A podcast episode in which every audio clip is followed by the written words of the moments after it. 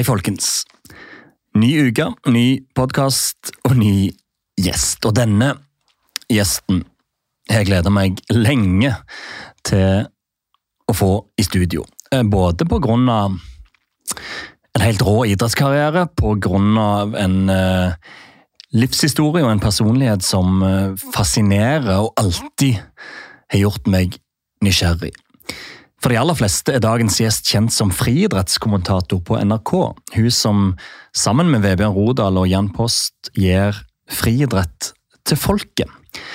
Men også for mange som et uh, kjent fjes og kall det en inspirator og fremmer av fysisk aktivitet i sosiale medier.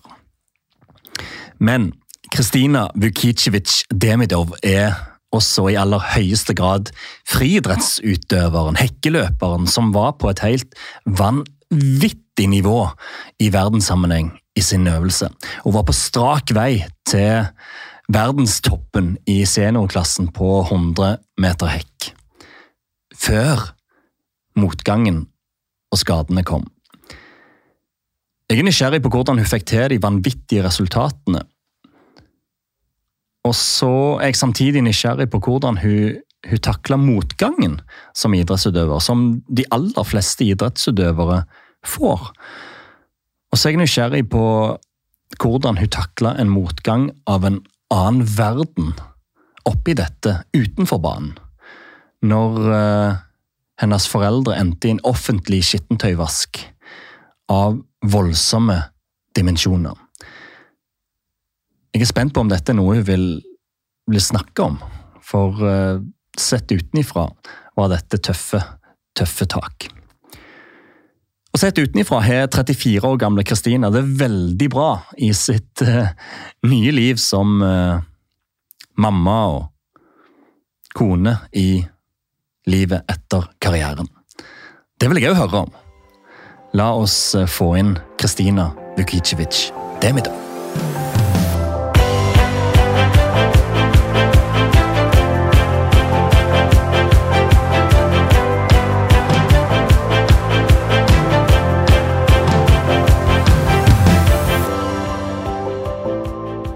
Navn. Kristina Vukicevic Demidov. Før jeg går videre, der, så må vi bare ta det Vukicevic-navnet. For det regner jeg med er blitt uttalt på mange ulike måter opp gjennom din karriere. Det er helt 100% korrekt. Hva er den vanligste måten folk bruker å si det? Eh, Vukicevic, eller Vukicevic. Er det som går igjen mest med oss som har vært borti Vukivek, og at folk bare har begynt på Vuk, eh, At de stopper der. Men det rette er Vukicevic. Yes. Det er en nydelig uttale, Knut. Perfekt. Idrett. Friidrett. Moderklubb. Ski. Friidrettsklubb. Skia. Første konkurranseminne. En 1000 meter når jeg var 10 eller 11 år på Skansen i Drøbak, der hvor jeg bodde. En 1000 meter. Mm, det sitter så hardt i det minnet der, for det var en helt grusom runde på 1000 meter. Hvor jeg overhodet ikke var forberedt på det som kom etter 60 meter.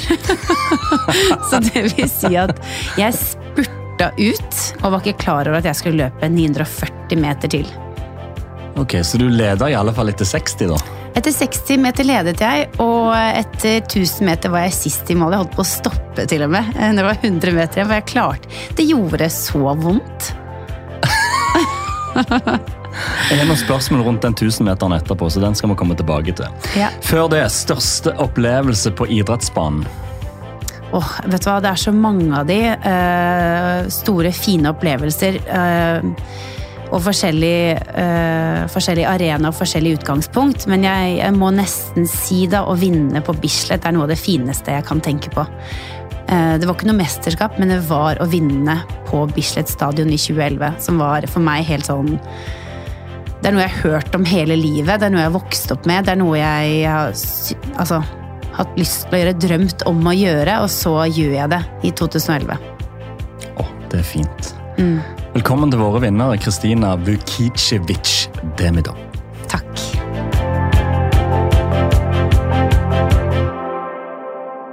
Så utrolig hyggelig å ha deg her, Kristina.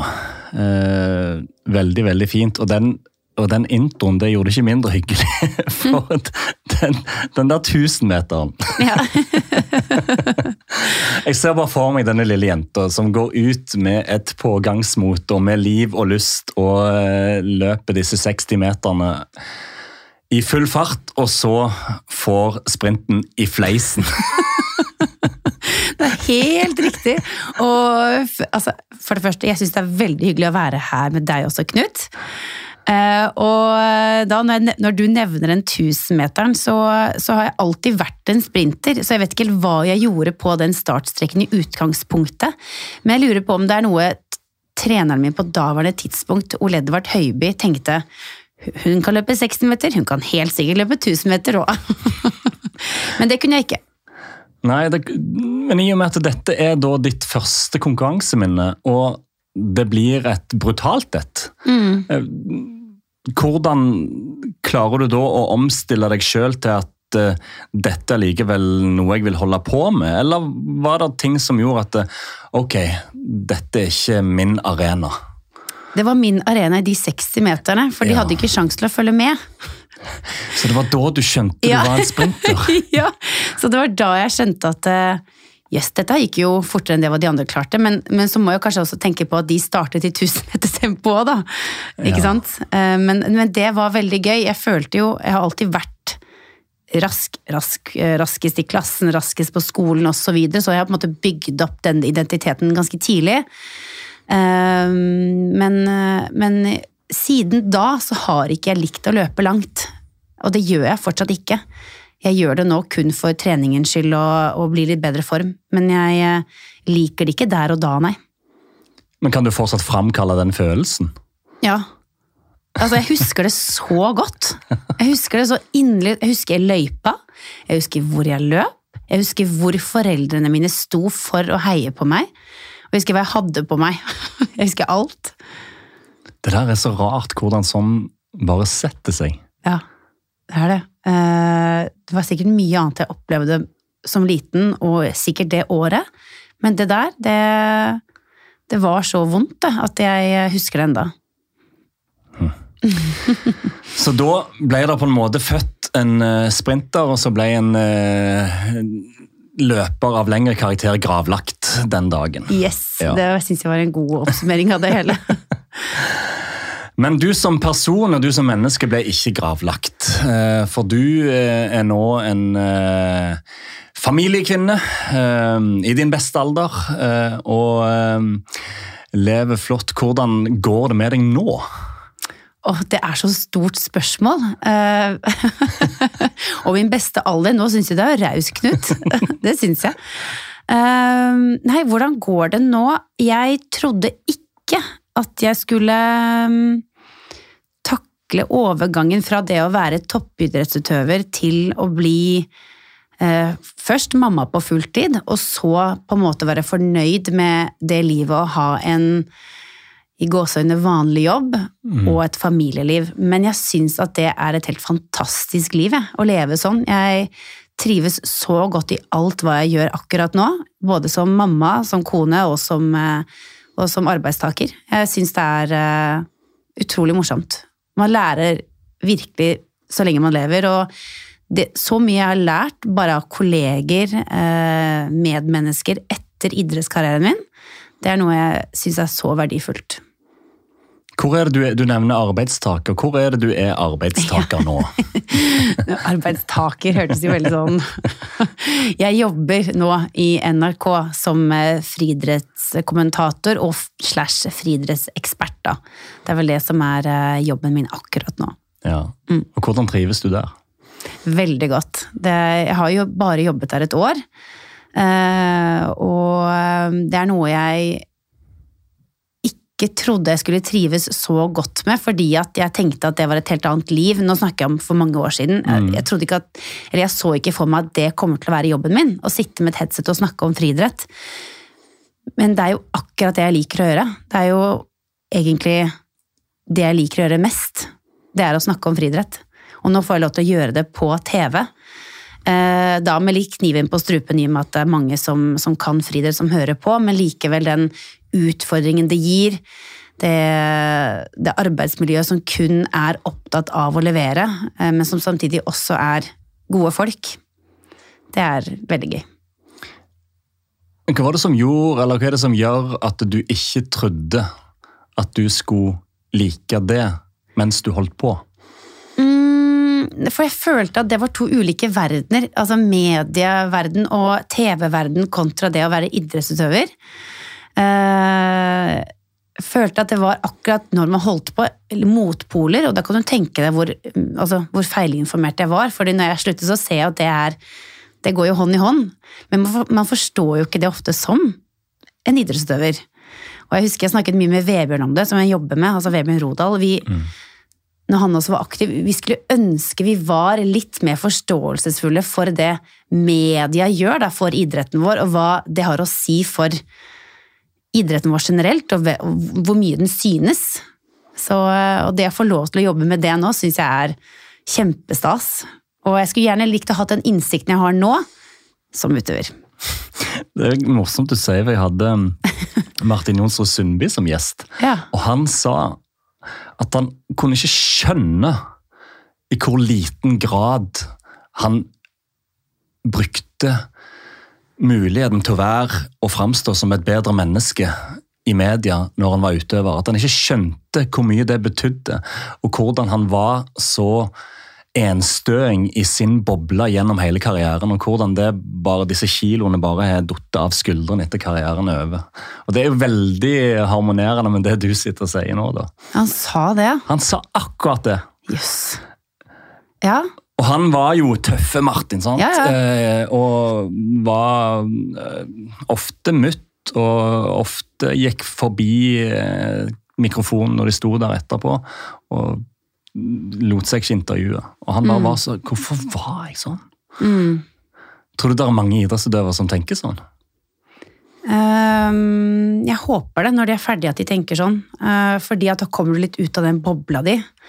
Um, fordi at nå, nå, har det jo selvfølgelig å si med at man blir eldre og, så videre, og det er jo noe i det at uh, jo eldre man blir, jo smartere blir man. Uh, fordi at når du er en idrettsøver i den bobla, så tenker du ikke over så mye annet. Noe du heller ikke skal gjøre, for du er så spissa på det du holder på med.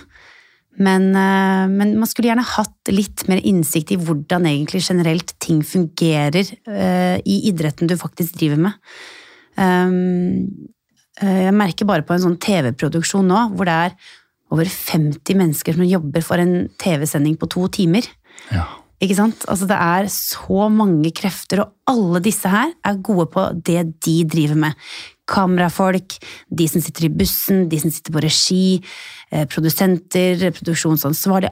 Alle ledd da, er gode, og alle jobber for at det produktet skal bli bra. Eh, men som utøver selv, så tenker du jo ikke på dette her. Det er ikke, og det skal du jo ikke gjøre heller, det er ikke det jeg sier, men jeg skulle gjerne likt at folk var mer klar over det. Eh, hvor mye faktisk folk gjør for at nettopp du skal skinne. da. For Det jeg ofte tenker, at som idrettsutøver så, så er jo media en del av pakken. Den er der, helt uunngåelig. Mm. Og hvordan det kanskje kan gå an å tenke at ok, media er der, da må jeg tenke at det, kanskje det er noe jeg kan få energi av. Mm. Kanskje jeg skal gå inn litt med liv og lyst og, og gi av meg sjøl, og kanskje ja. få noe igjen ja. for å gjøre det, da, istedenfor å flykte og gjemme seg og mm. bruke energi på disse negative tingene. da. Men jeg vet ja. ikke om det er så lett å tenke på når en står i det. Nei, jeg vet ikke. Jeg var Jeg, jeg tror selv at jeg var øh, jeg, lik, jeg, likte jo å, å, snakke med journalister, og så videre, men så kommer du til et punkt der hvor det blir sånn halvhemmelighetsfullt, og du vil unngå det litt når det stormer som mest, og så videre, i positiv og negativ forstand. da. Uh, men jeg er enig. Jeg, jeg, um, jeg, tror det er noe med at de bare rett og slett ikke vet enda. Tror du ikke det? Tror du ikke ja, jeg tror du kan være inne på det. Jeg tenker du er andre grunner? At det er sånn? Nei, altså Det handler jo nok mye om at en får beskjed om av alle rundt seg å kun fokusere på de, det, en kan, det som kan gjøre en bedre som idrettsutøver. Da. Um, og at det kanskje blir dratt litt langt. Men det er jeg synes det er veldig interessant å reflektere over det. for det er, Mm. Når du og når Martin Jonsson Sundby sist, dere sier akkurat det samme. Dere har Ja. tenkt akkurat de samme tankene. Da er det noe med det. Ja. Og da er det noe som kanskje bør fortelles til idrettsutøvere på et tidligere stadie. Ja, kanskje. Du har jo hatt Vebjørn også her i studio, vet jeg. Mm. Eh, jeg. Vet ikke om dere var innom det temaet da, men han og jeg har snakket en del om det. For vi er jo veldig mye sammen eh, i perioder. Mm. Og vi, vi har snakket om nettopp det at man kanskje også skulle vært hyggeligere mot eh, journalister osv. Når man holdt på, når man kanskje ikke hadde en god dag. Eh, fordi at man ser viktighet, viktigheten av det nå, da. Ja.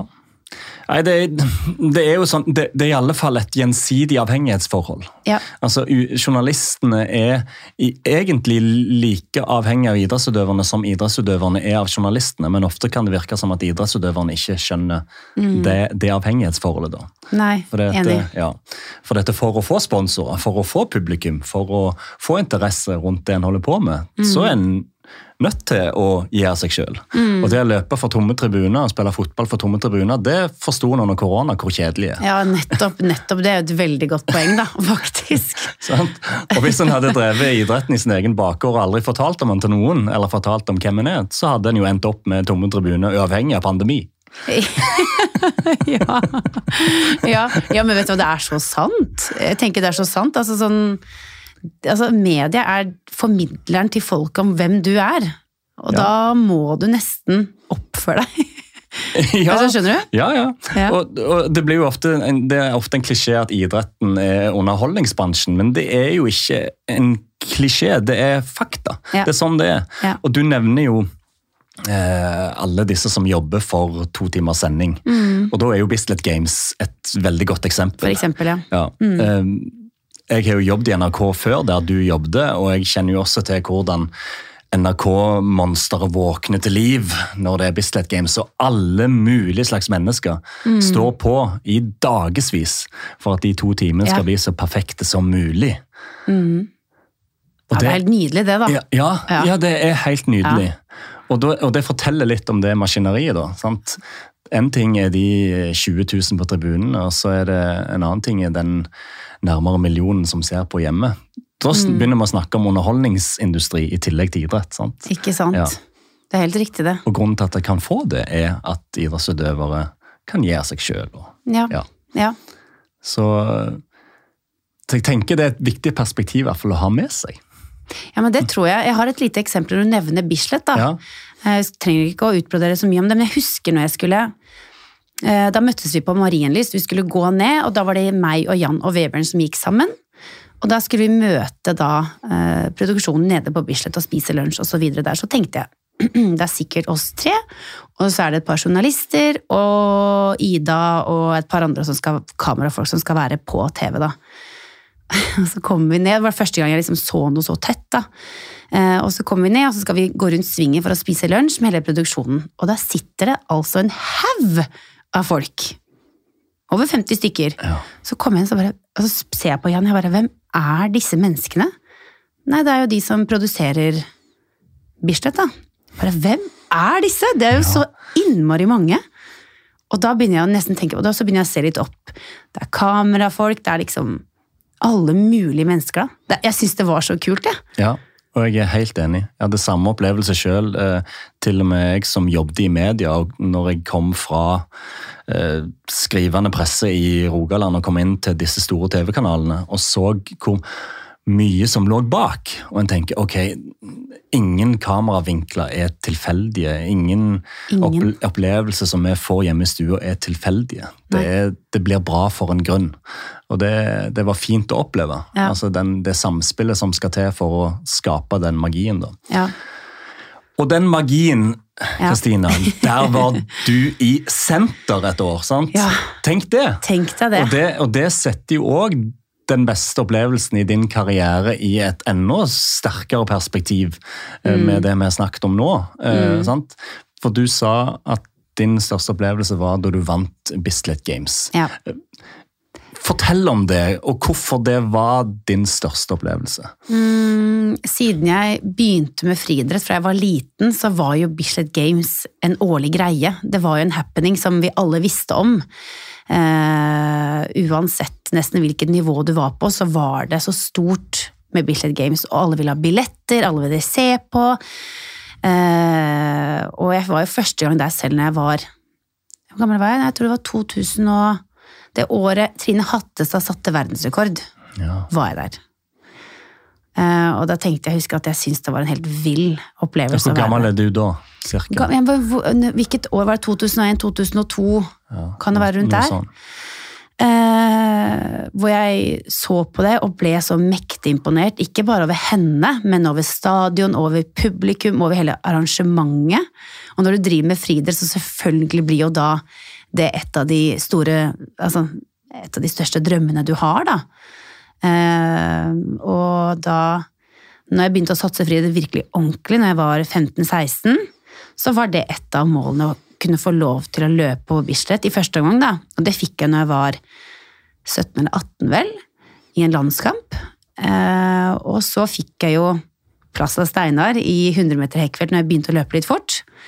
Og så kommer da dette året 2011 hvor, hvor eh, jeg faktisk da klarer å vinne.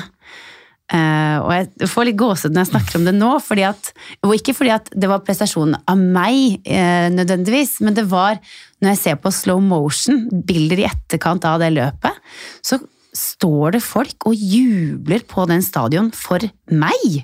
Ja.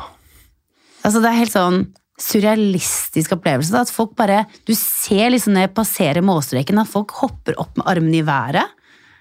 For meg! Det var helt sånn Helt sprøtt.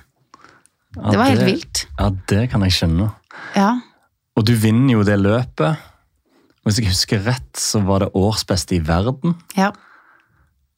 Og det er et fullsatt Bislett.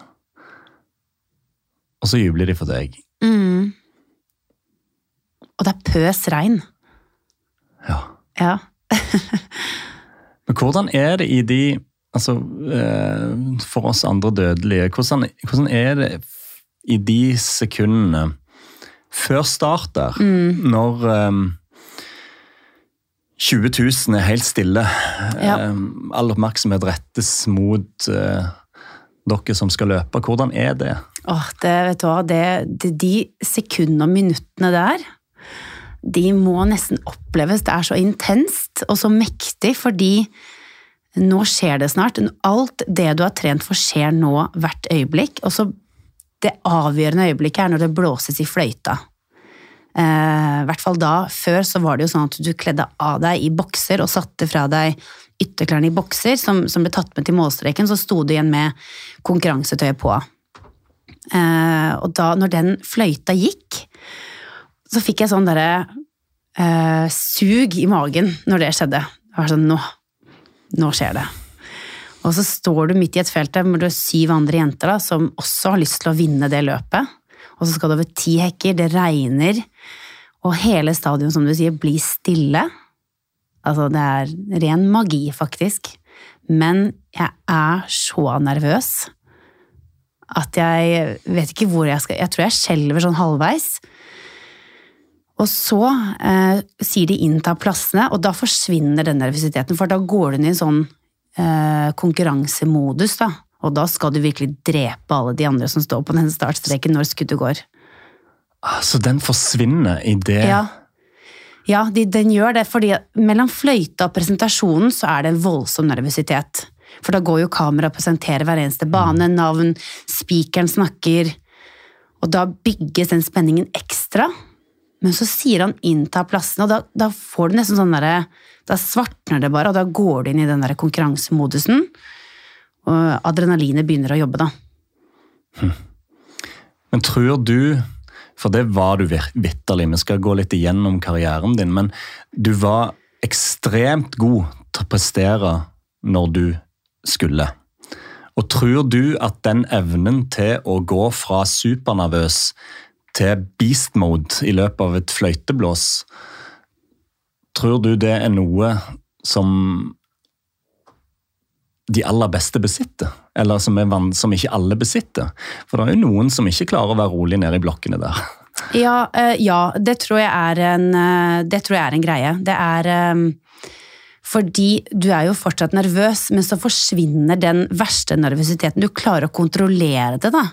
Og det tror jeg skiller veldig gode konkurransemennesker, uansett nivå, for så vidt. Men når du klarer å altså, stagge den nervøsiteten og bruke den til noe positivt, der tror jeg skillet går, da. De som ikke får til det, det er de som har veldig høye konkurransenerver, også i eh, startskuddet, da.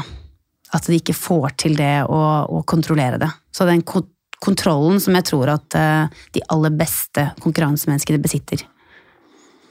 For, uten å virke overfladisk på egne vegne, men jeg kjenner det veldig igjen hvis jeg skal holde et foredrag, eller hvis jeg skal på en scene, så står jeg utenfor, backstage, og jeg kjenner på nervene. Og idet jeg blir presentert, så bare er det tidenes ro. Ja. Altså det er bare sånn. Nettopp. Og så er jeg i øyeblikket. Ja, det er relaterbart. Ja. 100% relaterbart. For jeg, som du nevner der, det er også en arena du skal prestere på. Mm. Så det kan jo godt være det er de samme konkurransenervene. Jeg tenker at da er det et konkurransemenneske som får til det å styre det, da. Du styrer det hvor du vil. For det er mange som ikke klarer det. Mm. Og, som, og, som, begynner å famle etter ordene, hvis du snakker om din situasjon f.eks. Eller man har en tjuvstart, eller man uh, starter dårlig fordi at man er ukonsentrert i sekundene. ikke sant? Altså, jeg tenker at det trenger ikke nødvendigvis å være friidrettsfolk, det kan jo være mennesker generelt, hvordan man er. Ja. ja. For Jeg tror det du sier der er veldig relatert til prestasjon, uavhengig av hva man skal prestere på. Helt enig. Uh, og det å Igjen frier at dommeren Karsten Warholm snakker jo mye om det og at nervøsitet er fantastisk. Mm. Det handler om hvordan en bruker nervøsiteten. For dette, mm. det skaper jo energi i kroppen mm. på, et, på, en eller annen måte. Så kan en la seg bukke unna, eller så kan ja. en bare komme i det moduset du beskriver, da. Ja, og der er jo det skillet, tenker jeg, da. Ja. Uh, på, på de, som, de, som, ikke takler det. Jeg tror det absolutt er trenbart. Men, eh, men eh, noen har det jo bare. Eh, og du nevner jo altså, du har jo garantert kjent på den samme type nervøsitet. Det tenker jeg, selvfølgelig har Du mm. det. Du har også konkurrert som ung, eller gjort noe som, som er viktig her og nå. Mm. Og, da, og, da, kicker det jo inn. Hm. Det suget i magen som du beskriver, den følelsen når dere er stille, den følelsen av å komme over mål, savner du det? Ja, jeg gjør jo det. det er mange som spør meg, eh, som sier sånn Savner du det å konkurrere? Så sier jeg ja, det savner jeg. Kunne du tenkt å vært med nå? Nei, det kunne jeg ikke. Hvorfor ikke? Fordi det maskineriet jeg besitter nå, hadde ikke hatt sjans til å være med på det de, det de holder på med nå. Fordi at jeg, jeg lever livet, jeg, Knut. gjør du det? Ja, jeg gjør jo det. Ja, Men det, det, ser ut som du er dus med det livet du lever nå, da. Det, mm. du, øynene dine forteller om en person som trives med, med, livet. Absolutt, jeg gjør det. Jeg trives veldig godt med livet. Og jeg, jeg, er glad for at jeg har drevet med toppidrett. Det har lært meg masse. Men eh, jeg er også glad for at jeg er ferdig med det. på en måte. At jeg lever et annet type liv med andre gleder og som gir meg mange ting på andre områder. Men Hva er den viktigste årsaken til at du er glad for at du er ferdig med det? da? Eh, det å få lov til å jobbe tett på det. Eh, og når det er ferdig, så kan jeg gå og ta meg et glass vin. og så kan jeg også jobbe med det neste helg og sitte tett på. Ja. Mens eh, de som konkurrerer, må telle antall timer søvn, de må spise til visse tider, en viss type mat osv. osv. Og det er et ganske regelstyrt liv. Ja. Og det er det deilig å slippe. Men jeg får også lov til å være med på det. det er jo beste litt, kombinasjonen. ja, litt det beste fra to verdener. Ja. ja. Du, så En ting jeg lurer litt på med deg. for jeg, jeg, husker jo at når du som utøver Det var jo en litt annen periode, men allikevel. Du var ikke den som var veldig flashy og aktiv i sosiale medier og uh, var ute der mens du holdt på, og ikke i de første årene etter du ga deg heller. Men nå er du aktiv på sosiale medier og har masse følgere på Instagram og er nærmest som en influenser å regne for den nye generasjonen. Hvordan skjedde det? Nei, det har jeg, vet du, Den overgangen har jeg ikke tenkt over. Eh, og jeg gikk jo på en måte fra en friidrettsprofil Ja. til å bli en treningsprofil, kanskje. Ja. Og så til å egentlig bare være meg. ja. Eh, jeg føler det har vært litt sånn eh, Hva skal jeg si Evolusjonen der, da. At jeg har gått fra det ene til det andre. Men det er en, det er en utvikling jeg ikke har tenkt over. Men du har jo helt rett, jeg har har jo aldri vært flashy i så måte at jeg har eh, Jeg sier ikke at du er flashy Nei, nå, nei, nei, men, men, men du var tenk- ikke flashy da, i hvert fall. Nei, og ikke, jeg tenker sånn Jeg har aldri vært det som utøver, og nå så egentlig bare eh, fortsetter jeg å leve mitt eget liv, og da er det jo naturlig at det blir en del av sosiale medier, selv om hvis jeg skulle lagt ut bilder av f.eks. barna mine og kroppen min, så hadde jeg nok sikkert hatt flere følgere. Ja, For det Mm. gjør du ikke. Det gjør jeg ikke. Er det et tydelig og bevisst valg? Og eventuelt, hvorfor har du tatt det valget? Eh, Når det gjelder kropp, eksempel, så har jeg alltid vært veldig nøye på det. Eh, Og det husker jeg jo særlig når jeg var aktiv, Knut.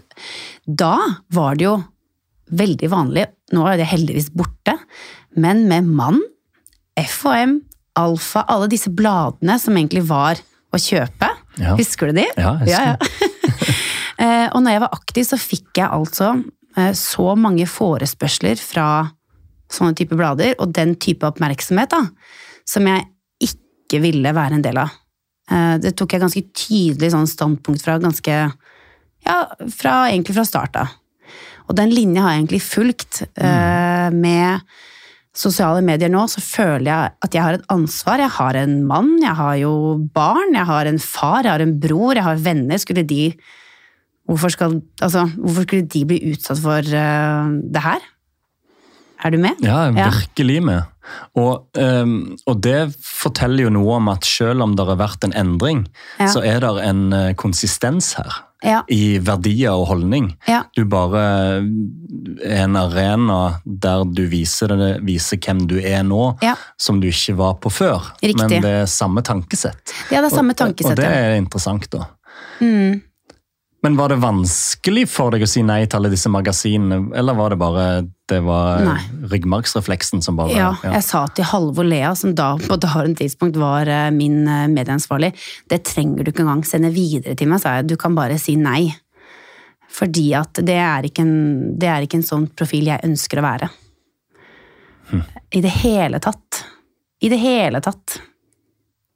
Hva tenker du om, om kroppspresset som er nå da i ja, annet sosiale medier?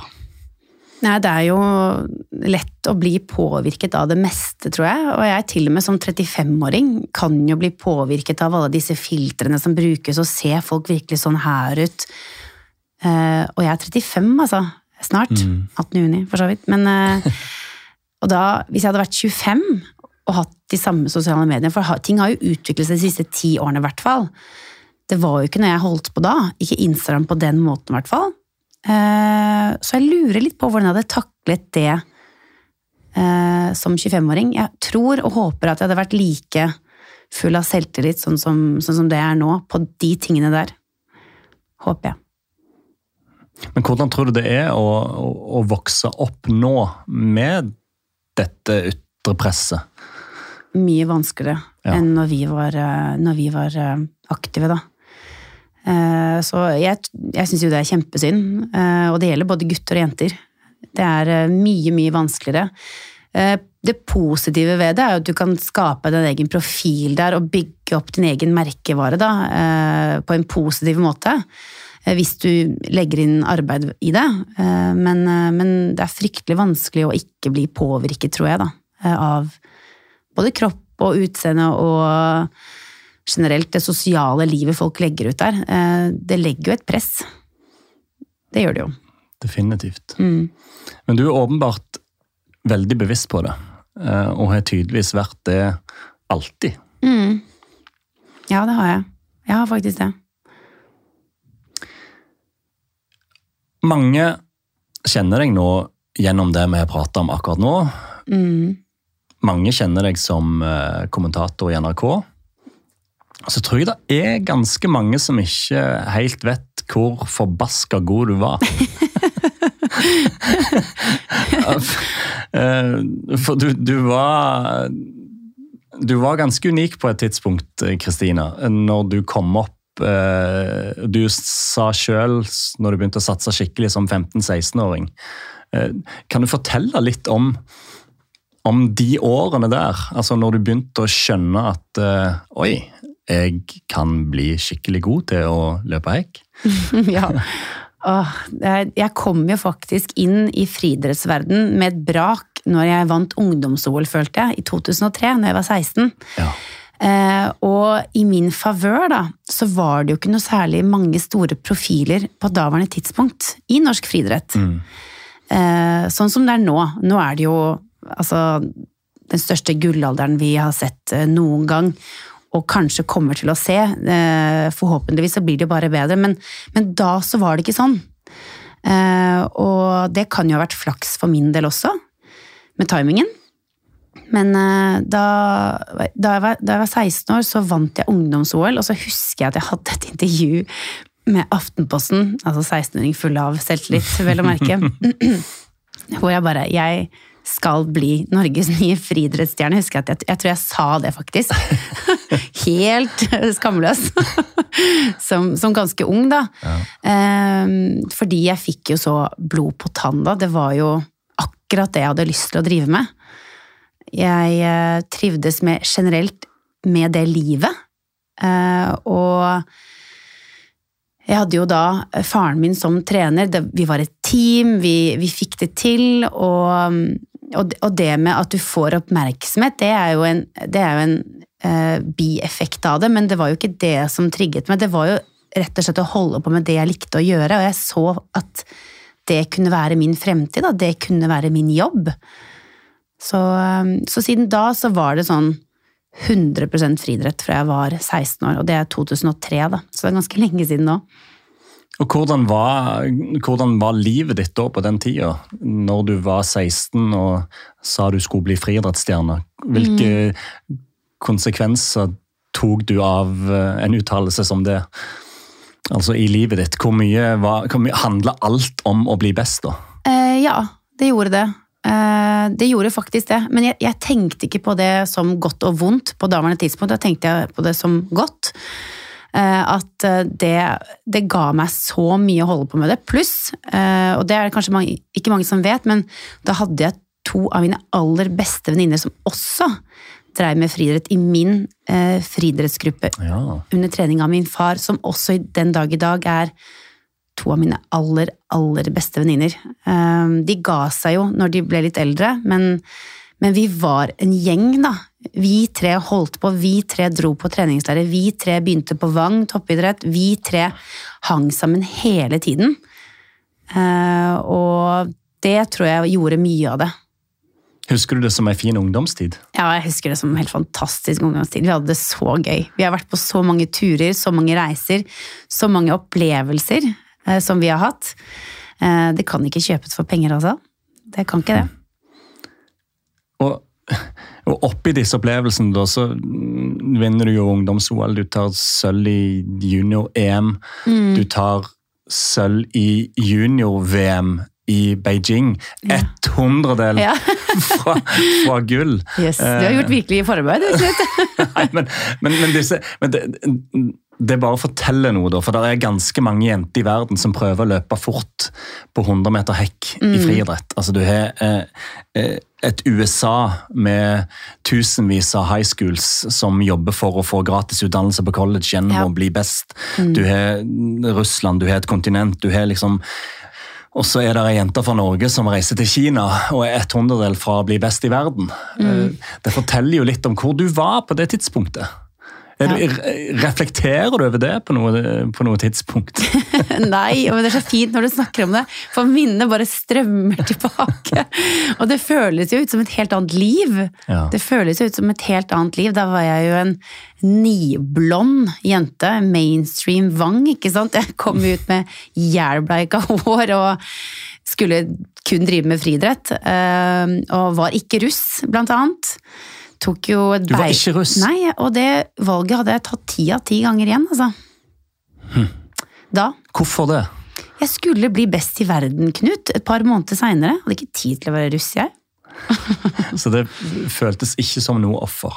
Ikke da, og heller ikke nå. Eh, fordi jeg har, jeg har det kjempegøy på fest, ja, altså jeg, jeg sier aldri nei takk. Men da var prioriteringene mine sånn at det skulle jeg bli. Uansett. Ja. Og da reiste jeg bort på treningsleir. Jeg var i Portugal. Stengte det ute og bare kjørte på? Hadde vi ikke Instagram, ikke sant? Jeg så jo ikke hva de holdt på med. Nei. Fikk bare sett, historie etterkant. sånn sett så var jo det en Ja. fordel, da, at tiden var annerledes. Ja. Vet du hva, Det er en stor fordel. Når jeg, jeg har egentlig ikke tenkt over det før jeg sa det nå. Mm. At det faktisk også må ha hatt noe å si. fordi at det var ingen som la ut videoer eller ja, det, var ikke, det var jo ikke det samme. Jeg fikk bare høre kjempemorsomme historier, og jeg unnet jo mine venninner å være med på det. Og øh, kanskje jeg hadde valgt russetiden nå, det vet jeg ikke, men jeg tror at jeg hadde gjort det samme igjen, faktisk. Ja. Så nerd var jeg, altså. Men det nerderiet ga jo resultater, da. Eh, og ga vann på mølla Ja. til målet ditt om å bli best i verden. Ja, jeg var litt annerledes. Ikke fordi at jeg, jeg prøver nå å fremstille meg selv som, eh, som noe bedre eller dårligere, eller Men jeg, jeg hadde bare en litt annerledes tankegang når jeg var eh, ganske ung. Ja. Mm. Men så tok du jo steget opp i senior, eh, og det fortsatte jo med samme kraft der de første åra. Hvordan husker du det, å ta liksom steget opp fra den best i verden-greia som junior til å bli senior? Ja, det største skrittet er jo for så vidt fra 19 til 20, når du går fra den uskyldige eh, i mange, på mange måter ganske uskyldig, når jeg ser i hvert fall tilbake på det nå som voksen, den juniorkarrieren, som er så fin, og den er så uskyldig og nydelig når du holder på med den, og så får du deg det slaget i trynet når du blir 20. Mm. fordi at da skal du faktisk konkurrere med de ekte friidrettsutøverne, nemlig seniorene, ikke sant? Ja. Uh, og jeg husker at alle rundt meg, Susanna Kallur, Blanka Vlasic, det var flere som sa bare hold ut. Bare liksom hold ut de to årene der, og så, så går det bra. Eh, og det hadde jeg med meg. Jeg husker at de sa det. Det blir tøft, det blir en tøff overgang. Um, men det gikk ok etter forholdene. det gjorde det. Nå følte du at du var på ditt aller, aller beste. Ja, Um, året 2000 og årsskiftet 2010-2011 og 2009, når jeg løp ehm, EM23, og når jeg satte norsk rekord i hengelo. For Ja. da følte jeg meg veldig, veldig god form. Nettopp. Du satte en norsk rekord, og så tok du altså Når du kom inn på det året 2011, da, det har vi jo vært litt inne på når Ja. du vant på Bislett, og den vinteren var eh, Da tok du bronse innendørs i innendørs-EM Ja. på 60 meter hekk. Ja, Og det, eh, vi skal ikke snakke mye om det, men det er det tallet der på 7,83 ja, på 60 meter hekk, den forteller så mye til mannen og kvinnen i gata om hvor eh, bra dette er. For dette, alle har et forhold til å løpe 60 meter Ja. eh, på 10 eller 11 sekunder, eller kanskje 9 sekunder. Eh, og det er den klassiske åtte blank Ja, som alle barna har. sånn da, jeg, da har ikke gymlæreren fulgt med, har jeg sagt. Og så her er det da en 60 meter med masse hindringer i veien, og du løper på 7,83. Mm. Og det forteller litt om hvor mye kraft det var i, i den kroppen som sitter i dette rommet eh, i 2011. Ja, ja, det var gøy, altså. Ja. Det, var, ja, det er jo fort. Ja, det er fort. Eh, jeg legger litt ordene i munnen på deg her, for jeg vet at du ikke trives med å snakke veldig stort om deg sjøl, men, men det er veldig fort, da. Det er veldig fort. Ja. Ja. Men du er inne på det, altså. Det Ja. er da um, Fordi 100 meter hekk er det jo ikke noen som har noe forhold til. Nei. Eh, samme 400 meter hekk for Karsten Warholm, for det er en runde med hekk. Folk har ikke det samme forhold til det, hvor hinsides det faktisk er. Men når du sier 60 meter, som du sier, så har alle gjort det. Mm. Alle har løpt det. Og så sier de 'hvor fort løper du 60-meteren på?' Og så sier jeg 'jeg løper jo aldri uten hekke', sier jeg. Men hvor fort løp du med hekker, da? Og så sier jeg da 7,83. Ja. Og da er det mange som Hva er det du sier? Ja, eh, og Dere som hører på, tenk litt over det tallet. Plasser gjerne seks eller sju kasser, hopp over de og løp 60 meter og ta tida. Se hva det ender på. Dere ender ikke på 7,83, det kan jeg, det kan jeg si. Det er jo en stor forskjell fra det og 12,74, for da, sant, det har du ikke noe forhold til. Nei. Så um, jeg er glad for at jeg har løpt fort på 60 meter hekk. Det er jeg. Ja, det er veldig gøy. Og så etter dette, Kristine, så kom det litt skader. Det gjorde det. Ja. Det gjorde det. Da begynte det som kan kalles en, eh, en nedtur. Mm. Hvordan var det? Når pila hadde pekt så i riktig retning så lenge. Mm, Det er jo en del, dessverre, av det idrettslivet, da. Eh, på godt og vondt. Eh, noen eh, får det til og holder ut lenger. Andre blir mer eh, hva skal jeg si, ofre for flere skader. Da. Eh, jeg var jo eh, i den siste kategorien på slutten av karrieren min, dessverre. Eh, hva det kommer av, det er jeg litt usikker på den dag i dag, men jeg skulle nok, hvis jeg hadde gjort ting på nytt, da, så skulle jeg kanskje vært mer tålmodig eh, og hørt litt mer på trenerne mine, blant annet. Med å kanskje holde igjen litt istedenfor å kjøre på. Fordi når du er ung og litt dum, som det jeg også var til tider med tanke på trening, så, så vil jeg heller, heller gjennomføre enn å ikke gjennomføre, da. Ja, hvordan var du dum? Ja, altså nettopp sånn at jeg eh, får eh, beskjed om å Hvordan føler du deg i dag, Kristina? Nei, jeg føler meg ok, så føler jeg meg kanskje ikke så bra likevel. Jeg har kanskje litt vondt i ryggen eller i den ene hamstringen, men så sier jeg ikke det høyt, da. Og så kjører jeg på på den treningen, så blir jeg skada på siste løp, ikke sant? For eksempel. Istedenfor at jeg bare lytter til min egen kropp og, og, og skjønner konsekvensen av det å bli skadet på slutten av treningen, enn å kanskje kutte treningen midt i og få trent da resten av året, da. Det er ett eksempel på at man, man vil litt for mye på, på litt feil eh, grunnlag. Leif Olav Alnes sier jo alltid at en, eh, en dårlig trening er bedre enn en god skade. Det er helt riktig, og det er så typisk Leif å si det. Eh, Jeg var jo innom han en liten periode Ja. selv, og akkurat det er han verdensmester på. Mm. Men du skal gjerne ha god kommunikasjon med utøveren din også, da. Eh, Og eh, jeg skulle nok vært litt mer tålmodig og litt mer ærlig med meg selv da, til tider at eh, det var kanskje lurt å holde litt igjen istedenfor å kjøre på. Fordi det var ingenting som kunne stoppe meg fra å ikke trene. Det var på en måte Jeg kunne gå gjennom veggen for å gjennomføre den treningen uansett, da. Så det var jo ikke så lurt. For det som var her, du var jo på den veien som du hadde satt deg. Altså, Ja. Du bestemte deg jo for å bli best i verden, og du ble det som i praktisk talt junior og var i ferd med å ta senior og var blant de beste i Europa var på vei mot best i verden der òg, og så kommer dette. Er dette noe du er irriterer deg over? Er det noe du er bitter på? Heldigvis så har jeg klart å ikke være bitter på noe eh, i karrieren min, for det, det tror jeg hadde vært veldig vanskelig å leve med, da, hvis du skulle hele tiden tenkt at du var bitter. Det jeg tenker på, er at jeg kan heller råde andre Ja. som føler seg i samme situasjon, at jeg, jeg har litt den derre kjærligheten til juniorer spesielt, at de må bare holde ut litt og være litt smarte, ta smarte, gode valg. Hør på treneren deres, det er faktisk de som kan best, for når du er ung, så tror du selv at du kan best, og at du kommer til å fortsette den fremgangen resten av karrieren din. Men du gjør jo ikke det. Og jeg har vært der selv, jeg, jeg trodde det selv. Når jeg var 19 år, så trodde jeg at jeg skulle ta og sette personlig rekord med flere tideler hvert år, ikke sant? Eh, og leve sånn, men, men det er ikke realiteten. Dessverre. Nei. Selv om det er en drømmeverden, da. Ja, altså går det an å skjønne at disse tankene er rot i virkeligheten når det går så bra som det gjorde da du tenkte disse tankene. Ja, Det er ganske lett å føle seg uovervinnelig når det går så bra som det gjorde. ja jeg, tror, jeg tror mange kan føle på det i andre bransjer også, at Ja.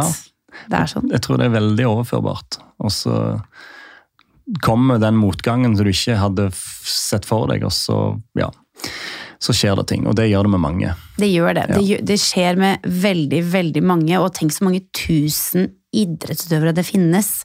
Og alle de har jo sin unike historie. Men jeg tror det er veldig viktig for videre i livet at du lar den bitterheten og det du eventuelt er skuffet over, bli der. For jeg har sett for mange rundt meg da, ta med seg en viss bitterhet fra en kanskje ikke mislykket idrettskarriere, men en idrettskarriere som kunne vært bedre. Og hele tiden falle tilbake på at hva kunne ha vært. Mm. Eh, og sånn ønsker ikke jeg å tenke, altså. Jeg tror det er fryktelig slitsomt. Det tror jeg definitivt. Og noe annet som er slitsomt, eh, Kristina, eh, som jeg er litt nysgjerrig på Det er bare å spørre om hva du vil, Ja, det kommer jeg til å gjøre nå. Ja, det gjør det. Gjør det. Vi, vi eh, er åpne for alt her. Det er bra. For i tillegg til disse skadene, da, som da er slutten av 2011-2012, så kommer eh, 2013 som sett utenifra framstår som et slags annus horribilis eh, i din karriere. Der du har nevnt at du var trent av din far, Ja. Peter Vukicevic. Yes. Eh, som da i 2013 havner i en konflikt med din mor. Det var 2012, faktisk. Var det 2012? Ja, Var det 2012? ja, det var 2012. Ok, da bomma jeg på det. Nei, nei, men det varte jo lenge, så det varte jo ut i 2013. Ja, så det starta i, kontroll tjue- på det. så det starta i 2012. Ja. Jeg husker bare masse i 2013, men da var det 2012 òg. Mm. der dine foreldre ender opp i en offentlig skittentøysvask. Ja. Ja, det, det, Ja. Hvordan var det? Nei, altså jeg nevnte det i stad, jeg føler jeg har levd flere liv jeg, i mitt 35 år lange liv. Fordi um, det startet jo med at jeg ble skadet i 2011, så allerede da kom jeg en viss skuffelse. Mm. Uh, og jeg skal komme inn eh, dit uh, nå, men, men da begynte um, dessverre jeg og min trener, altså min pappa, som er verdens beste pappa, eh, vi begynte å få litt knute på tråden i vår relasjon på trening. Allerede i 2011.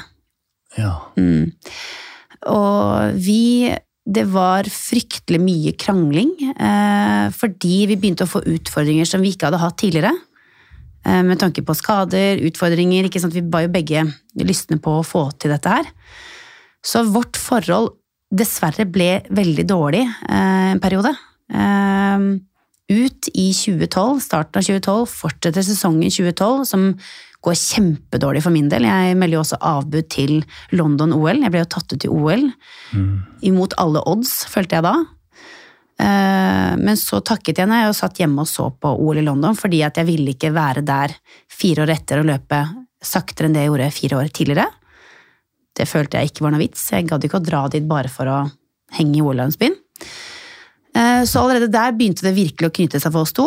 Så hadde vi kjempekonflikt, og før faktisk eh, den saken som dukket opp i høsten 2012, så hadde vi faktisk avsluttet vårt trenersamarbeid av personlige konflikter. ja. Og så, i høsten 2012, så kommer jo en bombesak i mediene om da min mor og min far. Noen uker etter at jeg og han har egentlig gått hvert til vårt eh, på trenerfronten, da. Og da kommer den saken.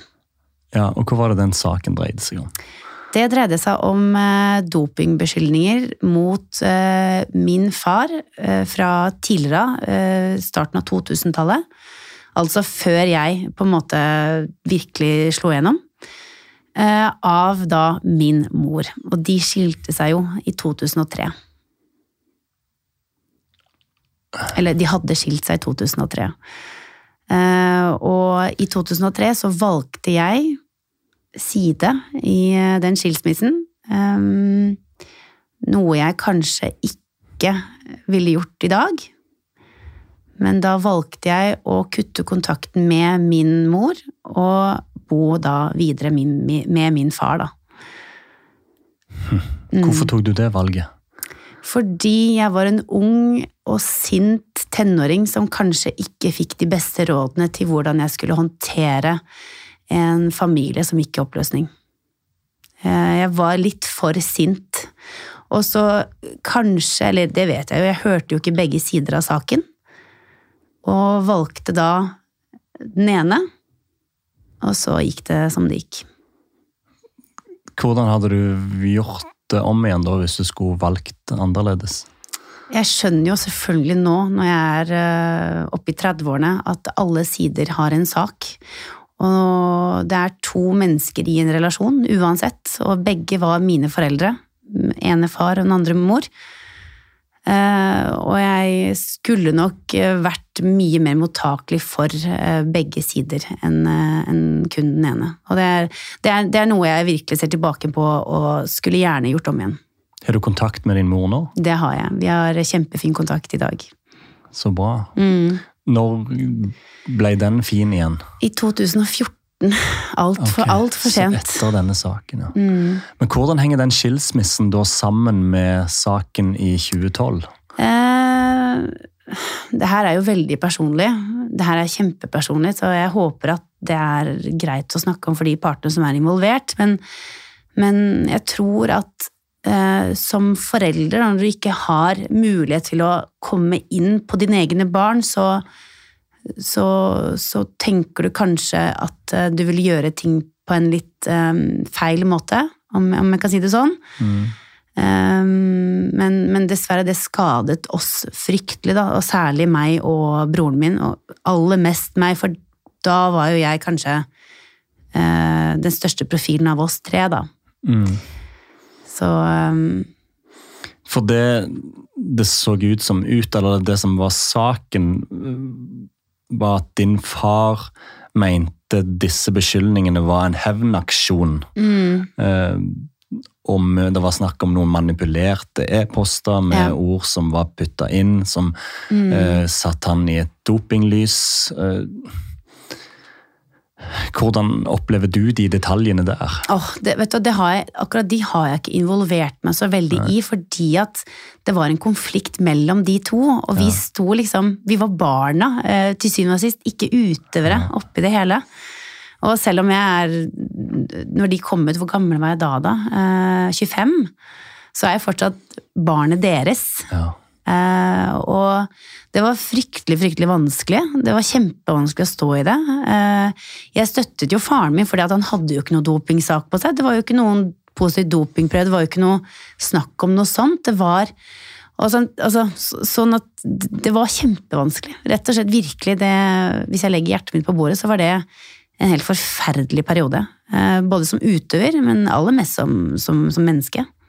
For én ting tenker jeg er de dopingbeskyldningene, men en annen ting er å se sine to foreldre krangle foran hele Norge på Norges første sider. Ja, skal jeg fortelle deg noe? Ja. Jeg husker, og da, jeg rømte jo litt jeg, til Tyskland eh, på daværende tidspunkt, fordi det var det sånn, og jeg har sett at praksisen har endret seg i etterkant, men da fikk ikke jeg lov til å trene med faren min heller. Han ble fryset fullstendig. Jeg, jeg fikk ikke lov til å bruke eh, presseansvarlig fra Olympiatoppen. Jeg fikk ikke det! Uh, ja, ja. Det var helt, helt eh, håpløs situasjon. Jeg har sett at ting har endret seg litt i etterkant med andre utøvere. Ja. Hvis man kan si det sånn. Uh, og um, da var jeg, var jeg i Tyskland, men, men det som kanskje har satt seg mest på mitt, uh, på mitt minne, er en VG-forside hvor de har tatt et svart-hvitt bilde av halve fjeset til moren min og halve fjeset til faren min. Som ett ansikt. På sporten. I papirutgaven, da. Vet du, Men- det, er, det er så brutalt, det. Ja, det, det var helt sånn Men Ja. hvordan er den dagen da for dere barn mm. å våkne til, sånn til en sånn en forside? Husker du det? Ja, altså, det husker jeg veldig godt. Og jeg, jeg, jeg har aldri vært god eh, på å snakke om det som, eh, det som virkelig rokker ved meg. Jeg, jeg er veldig lite, jeg er veldig emosjonell på andres vegne, mens jeg er veldig sånn brutal på mine egne, da. Og jeg husker at jeg, jeg isolerte meg ganske mye, rett og slett. Eh, Både fra familien og venner, og bare egentlig gikk i mitt eget. Ville ikke snakke om det, ville ikke høre om det, jeg ville ikke ta stilling til det. Men, men så følte jeg jo at alle så på meg. Til og med når jeg gikk rundt i Frankfurt, så følte jeg at alle så på meg og tenkte sitt. Altså, det var helt forferdelig. Du blir jo helt paranoid. Du blir det, altså. Ja, det vil jeg Det må jo rokke over hele den mentale helsa. Jeg tror det. det. Det gjør noe med det, men jeg, jeg har jo alltid vært veldig sånn tøff på den måten at jeg, har- jeg har klart å, å gå gjennom med det. Sånn har jeg jo vokst opp. Jeg har vokst opp med voldsom selvtillit på visse ting. Eh, men, men det er klart det var vanskelig. Altså, absolutt. Og særlig også i etterkant når eh, du føler at den du eh, har trent med, ikke er velkommen plasser. Mm. Og det er også faren din, da. Ikke sant? Altså, Ja, det for er jo veldig rart. det er det aspektet der som gjør det så vanvittig. Mm. Men hvordan kom du deg gjennom det, da? Det er nesten så det er sånn Jeg, jeg, fikk, jeg kom i meg jo på en måte gjennom ved at jeg vendte ryggen til friidretten. Jeg gjorde jo det. Jeg, jeg, Du vendte ryggen til det som hadde vært livet ditt. jeg, jeg tok en pause fra det. Eh, Helt bevisst, og ved mine fulle fem så tok jeg altså så avstand fra friidretten, og jeg tenkte nå er jeg ferdig, jeg orker ikke mer av dette her. Har ikke lyst. Da jobbet jeg jo faktisk litt for eh, noe for NRK, noe for TV 2, Mm. på ulike mesterskap. Jeg husker at jeg savnet ikke en e et, altså, i det hele tatt. Ikke et sekund savnet jeg friidrett når jeg så på det. Jeg var så lei. Eh, og, så, og så tok det en tid hvor jeg faktisk bare altså hadde en sånn avstand til det at jeg begynte å trene på helt andre ting. Jeg gikk på aerobic, jeg begynte å klatre, jeg begynte å gå turer. Begynte å jogge litt langt, begynte å gjøre noe helt annet enn det jeg alltid har gjort. Um, og så flyttet vi til Bergen. Da spilte jo Vadim for Brann. Og så traff jeg en jente som Ja, het og det Irén. var din Demidov. Ja, det er min mann, da. Ja, mm. Og da Han lot meg jo helt være. Jeg jobbet jo, jeg gjorde jo ingenting. Jeg var jo ganske sånn nede en periode. Eh, og når vi bodde i Bergen, så Hvis jeg går fort frem, så må du bare stoppe meg altså. Men, men det var noen år der, fra 2012 til 2014, hvor jeg da ikke hadde lyst til å drive med friidrett, men så flyttet jeg til Bergen, begynte å trene med som het Irén, der oppe på Fana stadion. Og så begynte jeg å sakte, men sikkert begynne å få lysten tilbake igjen, som jeg ikke trodde jeg kom til å få. Men da var jeg alene. Da var jeg ikke med noen, bortsett fra Irén. Vi to trente sammen. Og så begynte jeg å tenke på kanskje jeg skal prøve igjen.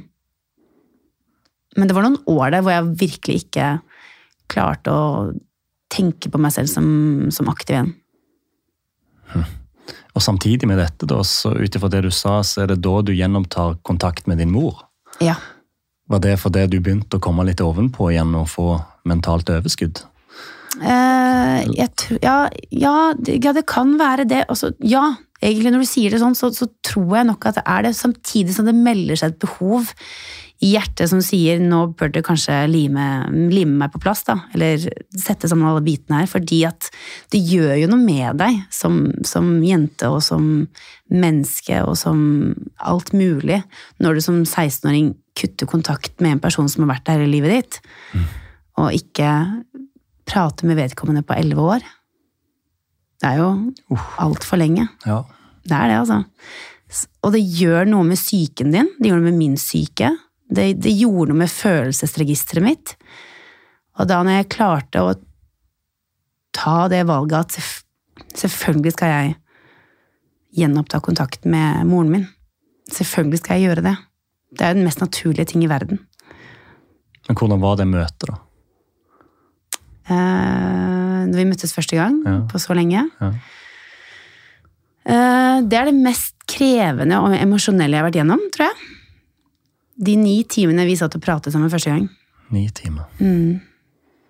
Og vi er jo fortsatt ikke ferdige, vi snakker jo fortsatt masse om, om tunge temaer. Nå, eh, seks-åtte år etter.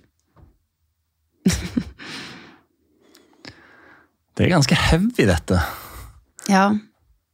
ja, det er en veldig vanskelig del av livet mitt, samtidig som, som jeg Og den evnen nok tror jeg at jeg har fra henne, at Jeg kan ikke angre på så mye. Jeg må bare gå fremover og prøve å gjøre fremtiden min bedre, for fortiden kan jeg ikke gjøre noe med. Det er liksom, det er gjort. Hadde jeg kunnet gjøre ting på nytt, så hadde jeg gjort det annerledes. Men, men den sjansen får vi dessverre ikke. Gjør ikke det. Nei, det gjør man ikke. Nei, men det er elleve år der som jeg, um, som jeg var emosjonelt eh, litt eh, avstumpa. Det kan jeg si. Ja. Mm. Hvordan er du nå, da? Hvordan føler du nå at eh, du er emosjonelt? Har- disse brutale tingene som du nå har fortalt om, har det satt spor i deg? Det tror jeg det absolutt har gjort. På hvilken måte? Eh, Jeg har blitt klokere eh, og mer åpen og mer tolerant. Og jeg tror at jeg vil lære barna mine til å bli det. At ting er ikke så svart-hvitt. Jeg har vokst opp veldig svart-hvitt, men det er ikke sånn. Det er mange gråsoner og lag imellom her som man kanskje må gjennom og lære seg å ta imot, men jeg, jeg har vokst opp veldig svart-hvitt, og det er kanskje en veldig serbisk måte å vokse opp på. Det, det kan jeg ikke uttale meg noe om, men, men det har nok gjort noe med at jeg har blitt veldig, veldig, veldig åpen. Om vanskelige ting, da. Føler du, det, føler du det at det på en litt sånn absurd måte har gjort deg til et bedre menneske? Ja, det har det. Det har det. Jeg, eh, jeg var ikke på mitt beste som menneske når jeg var toppidrettsutøver, eh, med da den bagasjen jeg har. Nå snakker jeg ikke om fordi jeg var toppidrettsutøver, men måten jeg tenkte på, måten jeg levde på, den brutaliteten jeg hadde eh, mot meg selv særlig, da. Det er, ikke, det er jo ikke sunt å være sånn. Tror jeg, da. Nei. Nei. Og hvordan tror du det påvirka den du er, og den du kommer til å være som mor? Ja, altså der er det noe jeg ikke vil at barna mine skal oppleve, så er det å, å måtte velge mellom to foreldre. Eh, Det det er på en måte det siste jeg vil at de skal gjøre. Jeg vil at de skal vite at vi er der uansett, og øh, mennesker har litt mer ved seg enn en historie en annen forteller.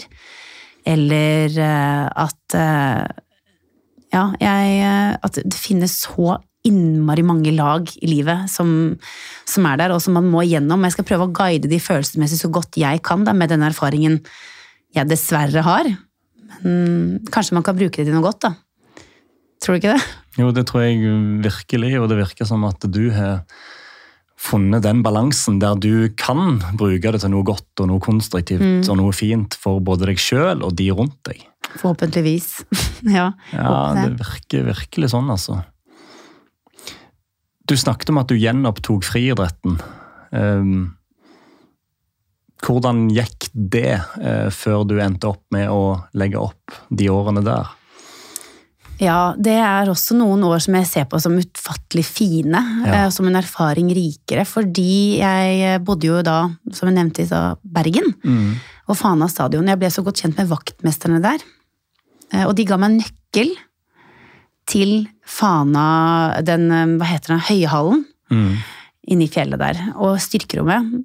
Og hver dag så kom jeg dit, enten alene eller med Irén. Satt ut hekker, satt ut blokker, gjorde all jobben, skrudde på lys, gjorde liksom alt det der alene. Trente alene, hadde med stoppeklokke, målte mine egne pauser. Irén så på meg et par ganger hvordan jeg løp. Og så gjorde jeg comebacket mitt. Selvfølgelig med treningsprogram fra pappa, men Ja. eh, For da var han inne i bildet der igjen. han var inne i bildet der igjen. Jeg sendte jo han Eller vi snakket jo sammen, selvfølgelig. Vi har jo Det var jo ikke lang pause vi hadde i vårt, eh, vårt forhold, men da spurte jeg om han ville lage noe treningsprogram til meg. Og det gjorde han. Og jeg var jo av og til i Oslo og trente der også, men jeg likte den avstanden jeg på en måte fikk, fordi at det viktigste for meg, uansett, er å ha et godt forhold til faren min, og ikke til treneren min. Det er, det er liksom et mantra jeg lever etter, da. Det var Jeg hadde lært av mine feil, og jeg tror at vi er så sterke personligheter begge to, at sammen så hadde det kanskje ikke vært like fruktbart som at jeg bodde i Bergen, og hadde en viss kontroll over det jeg holdt på med selv. Og hvordan var mindsettet ditt på dette tidspunktet, var det den samme jenta som skulle bli best i verden? Nei, jeg var mye mer reflektert. Jeg var eh, fortsatt mye selvtillit, men på andre områder, og følte meg bedre som menneske. Samtidig så la jeg ikke livet i den startblokka. Jeg, jeg, jeg hadde noen helt andre perspektiver når jeg prøvde meg på det, enn det jeg hadde tidligere. Så det var et mislykket comeback, dessverre. Jeg vet ikke om du husker det, men det var jo det. For du jobbet fram mot et norsk mesterskap? Ja, jeg ble jo egentlig skadet. Ja. Jeg skulle starte mye tidligere enn det norske mesterskapet. Ja. Eh, fordi at jeg skulle jobbe meg opp mot det norske mesterskapet for kanskje prøve å ta VM-kravet på NM. Ja. Men så ble jeg jo skadet under foten, så jeg måtte jo trene en måned med rehab da, eh, før NM. Og da ble det sånn at mitt tidspunkt for comeback ble så innmari forskjøvet. Så det da ble det naturlig at det var NM-helgen.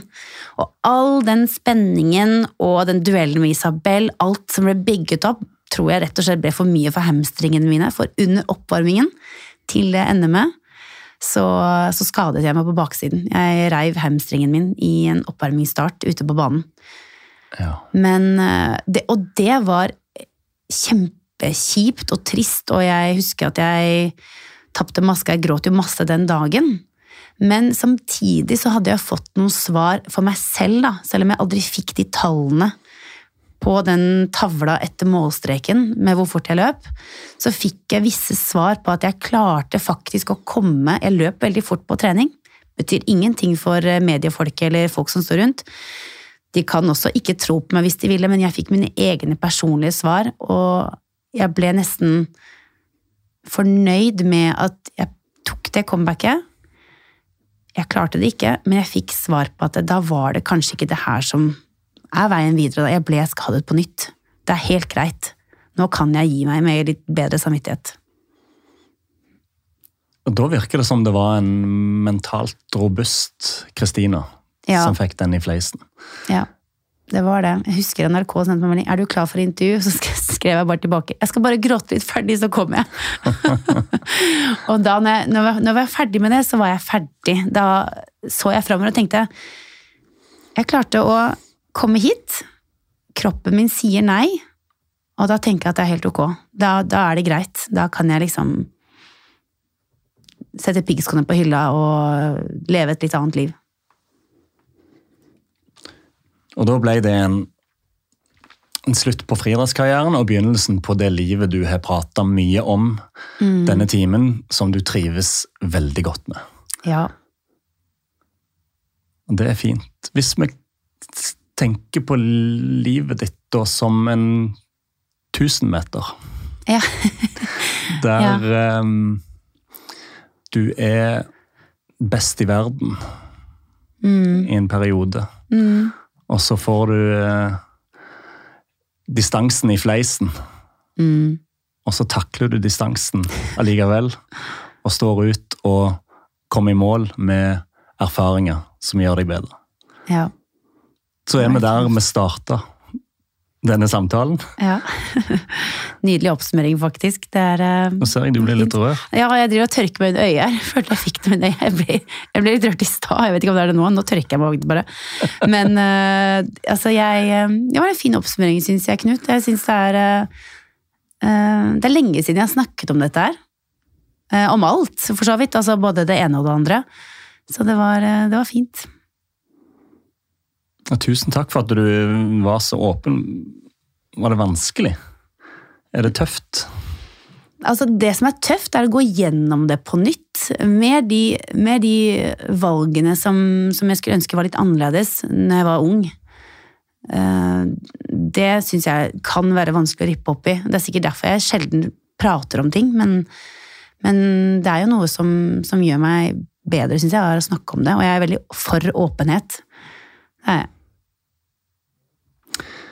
Tusen takk, Kristine, for at du kom til, til våre vinnere. Det har vært en stor, stor glede. Tusen hjertelig takk for meg.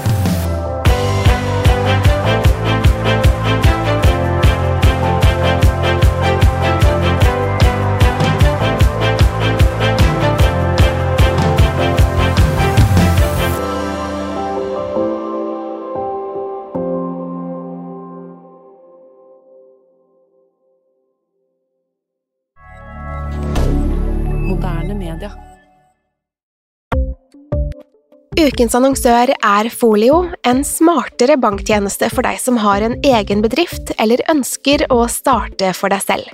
Folio er en superenkel nettbank for bedrifter. Som kunde i Folio får du en bedriftskonto med et bedriftskort og app. I denne appen er det smarte løsninger som forenkler regnskapet ditt, uansett om du har en liten bedrift eller et enkeltpersonsforetak. Folio er både intuitivt og brukervennlig, og er laget med et enkelt språk.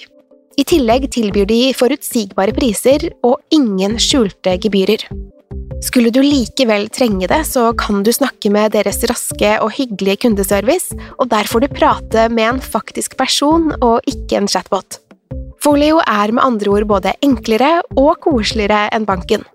Over 10 000 bedrifter har allerede valgt Folio som sin banktjeneste, så besøk folio.no og se hvordan Folio kan forenkle din hverdag også. Har du et enkeltpersonforetak eller en liten bedrift? Da er du sikkert lei av å høre meg snakke om hvor enkelt det er med kvitteringer og bilag i fiken, så vi eh, gir oss her, vi. Fordi vi liker enkelt. Fiken superenkelt regnskap.